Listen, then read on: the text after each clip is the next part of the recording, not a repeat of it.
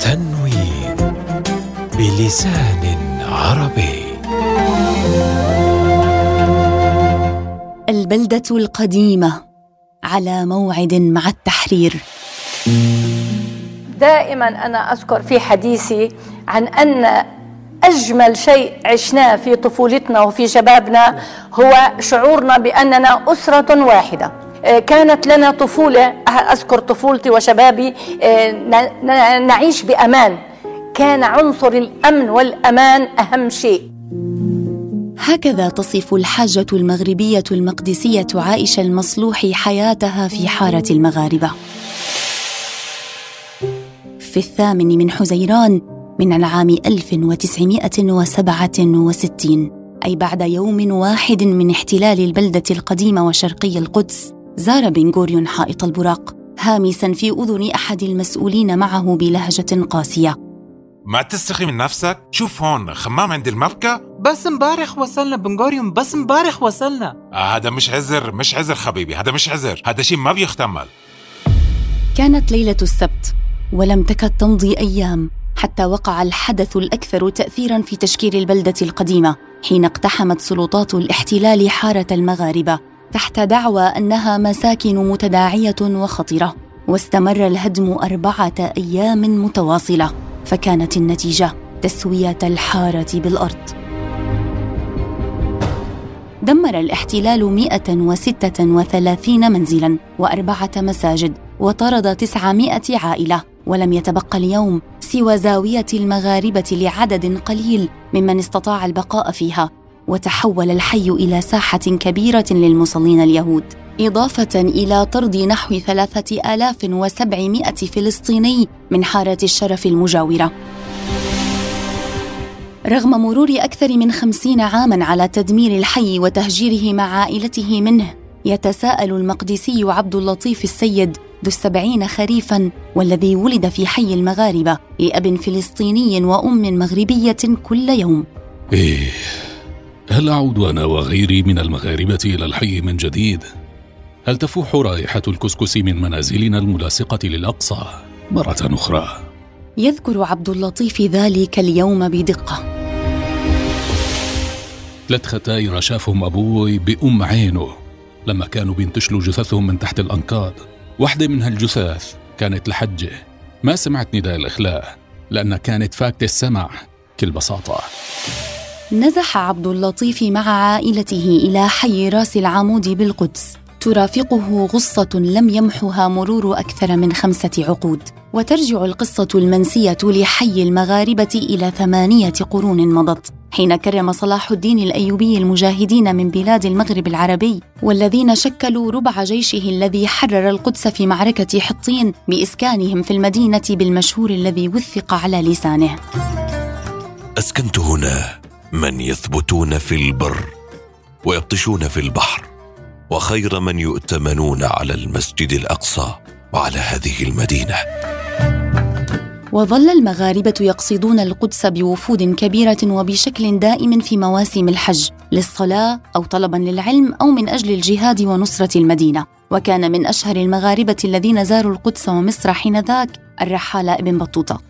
كانت الحارة الشهيرة في الجزء الغربي من المسجد الأقصى أولى ضحايا الهدم في البلدة القديمة واكتسبت أهميتها لكونها الموقع الذي نزل منه براق النبي محمد عليه الصلاة والسلام ليلة الإسراء والمعراج من مكة إلى القدس.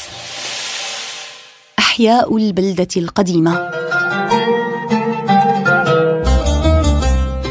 يدخل زائر البلدة من باب الحديد وباب الخليل ويتنقل بين الدكاكين القديمة والبيوت الحجرية في أزقة متعرجة من تاريخ تتعايش فيه الديانتان الإسلامية والمسيحية. قسمت البلدة القديمة في القرن التاسع عشر إلى أربعة أحياء رئيسية كبيرة الحي الإسلامي والحي المسيحي وحارة الأرمن وحي المغاربة متداخلا بحارة الشرف.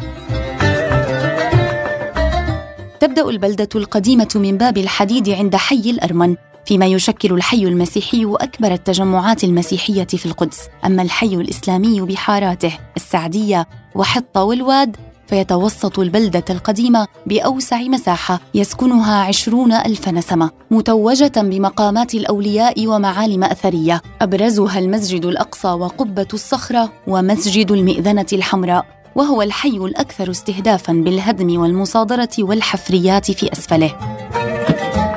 وفي الجزء الجنوبي الشرقي من البلدة الموقع الأصلي لحارتي الشرف والمغاربة اللتين تم ملؤهما بالمهاجرين اليهود بعد المصادرة فتحولتا زورا اليوم إلى ما يسمى بالحي اليهودي. العقبات المقدسية. وهي أدراج تملأ حارات البلدة القديمة وشوارعها أنشئ الكثير منها خلال فترة الأيوبيين ونسبت أسماؤها إلى أشخاص أو عائلات سكنتها أو أماكن احتوتها. يسميها أهل البلدة بالشرايين لأنها تربط بين حارات المدينة المقدسة وأسواقها. تهويد واستيطان. قبل أن يشارك شرقي القدس غربيها مرارة الاحتلال في السبع وستين كانت البلدة القديمة فلسطينية بالكامل. لم يكن هناك يهود فيها. بدأ مشروع التهويد في البلدة في اليوم الذي أقام فيه الاحتلال الحي اليهودي على حطام ذاكرة المغاربة والشرف في حي مقصور على اليهود فقط. لا يمكن لفلسطيني المطالبة باسترداد أملاكه فيه. وبدأت بلدية الاحتلال باستبدال أسماء الأزقة والطرقات فيه بأسماء جديدة بهدف تغيير هويته. في سبعينيات القرن العشرين كان عدد سكان البلدة القديمة أكثر من 23 ألفاً. كلهم فلسطينيون مقابل 200 وبضع عشرات من اليهود فقط. لكن عدد اليهود تزايد حتى وصل إلى بضعة آلاف اليوم. بات كل شيء مستباحا في البلدة. وسماسرة الاحتلال من فكوا يبحثون عن أي نقطة ضعف لاختراق النسيج الاجتماعي المقدسي. ففي الحي الإسلامي اليوم أكثر من 75 عقاراً تشق حرمتها خناجر أعلام إسرائيلية. وضعت جماعات استيطانية اليد عليها. أبرزها جمعية عطيرات كوهانيم المتخصصة بسرقة عقارات البلدة القديمة على وجه التحديد منذ سنوات.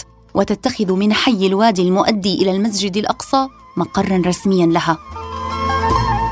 يستولي المستوطنون على ممتلكات الفلسطينيين عبر اعتبارها أملاك غائبين على الرغم من أن هناك اناسا يعيشون فيها. وتقود جمعية عطيريت كوهانيم هذه المهمة وتتلقى لأجل ذلك دعما ماليا سخيا من أثرياء اليهود حول العالم. ويقيم مستوطنون إسرائيليون في عدد من هذه المباني ولكنها في الجزء الأكبر منها مدارس دينية. وتتفاخر الجمعيات بوجود أكثر من ألف عائلة يهودية ومئات الأطفال ومراكز اللعب ومعابد يهودية في المنطقة القريبة من المسجد الأقصى.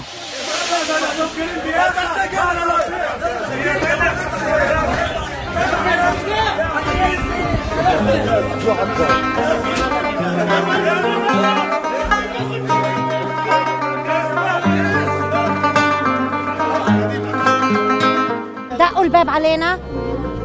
حاتم فتح الباب. هجموا هجوم اطلعوا من البيت. طبعا ما بدنا نطلع بيتنا هذا حياتنا ذكرياتنا. كل إشي بيعني لي أنا هذا البيت. كل حياتي هذا البيت.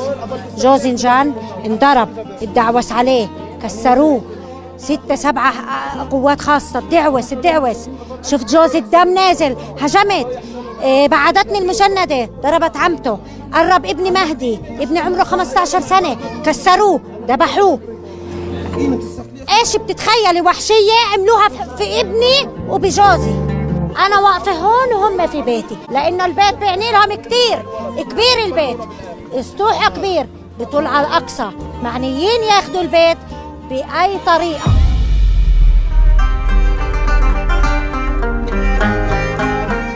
ورغم كل المضايقات التي يشتكي المقدسيون منها من إلقاء النفايات على منازلهم أو انتشار افراد الشرطة عند مداخل المنازل بل ارتقت المضايقات في السنوات الأخيرة إلى الضرب والرصاص في بعض الأحيان لإجبارهم على ترك البلدة القديمة إلا أن الواقع الإحصائي لمدينة القدس يظهر أن 77% من سكان البلدة مسلمون ما زالوا صامدين و10% فقط من اليهود.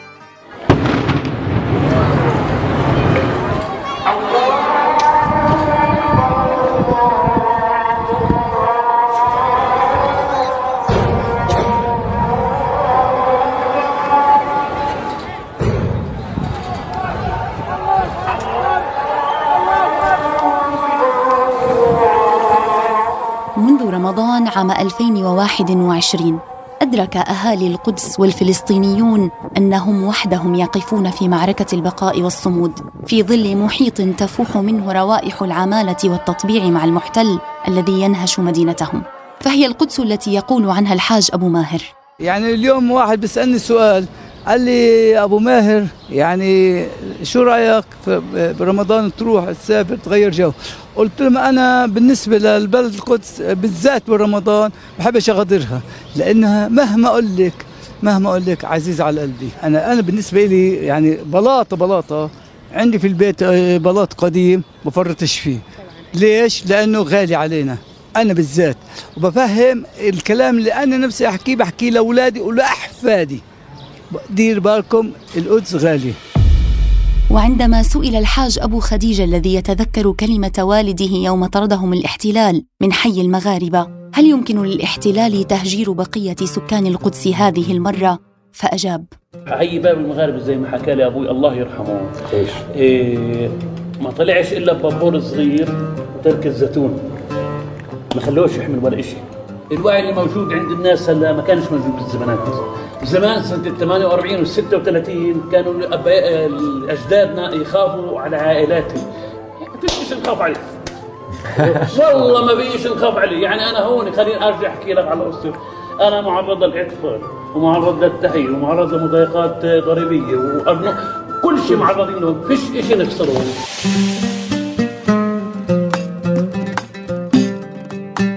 تظل حارة المغاربة الشاهدة الأهم على التهجير الذي مارسه الاحتلال لفرض وجوده اليهودي مكان السكان الأصليين في القدس. فالاحتلال الذي لم يتورع عن هدم حي بأكمله لساحة مبكاه لن يتورع اليوم عن محاولات تهجير القدس كاملة لمشروع حوضه المقدس المزعوم. أثناء تحضيري لهذه الحلقة مررت بقصة مشروع للاحتلال قبل سنوات لترميم كنيس يهودي أثري في حارة الشرف في البلدة القديمة وتسميته بجوهرة إسرائيل. والهدف منه كما يتصور الإسرائيليون هو حجب الرؤية عن الأقصى المبارك من الجهة الغربية بتصميم معماري ضخم ليشوه المشهد البصري العام ويحاكي قبابه. فعجبت لقبح الاحتلال وكيده. فلاحقت الأمر حتى تحققت أنه مشروع وئد قبل أن يولد.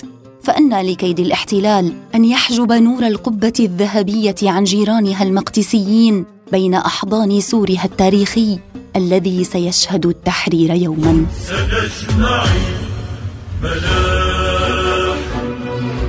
ثم وزعي صوارم وستجمعنا فيك صلاة الفجر بعد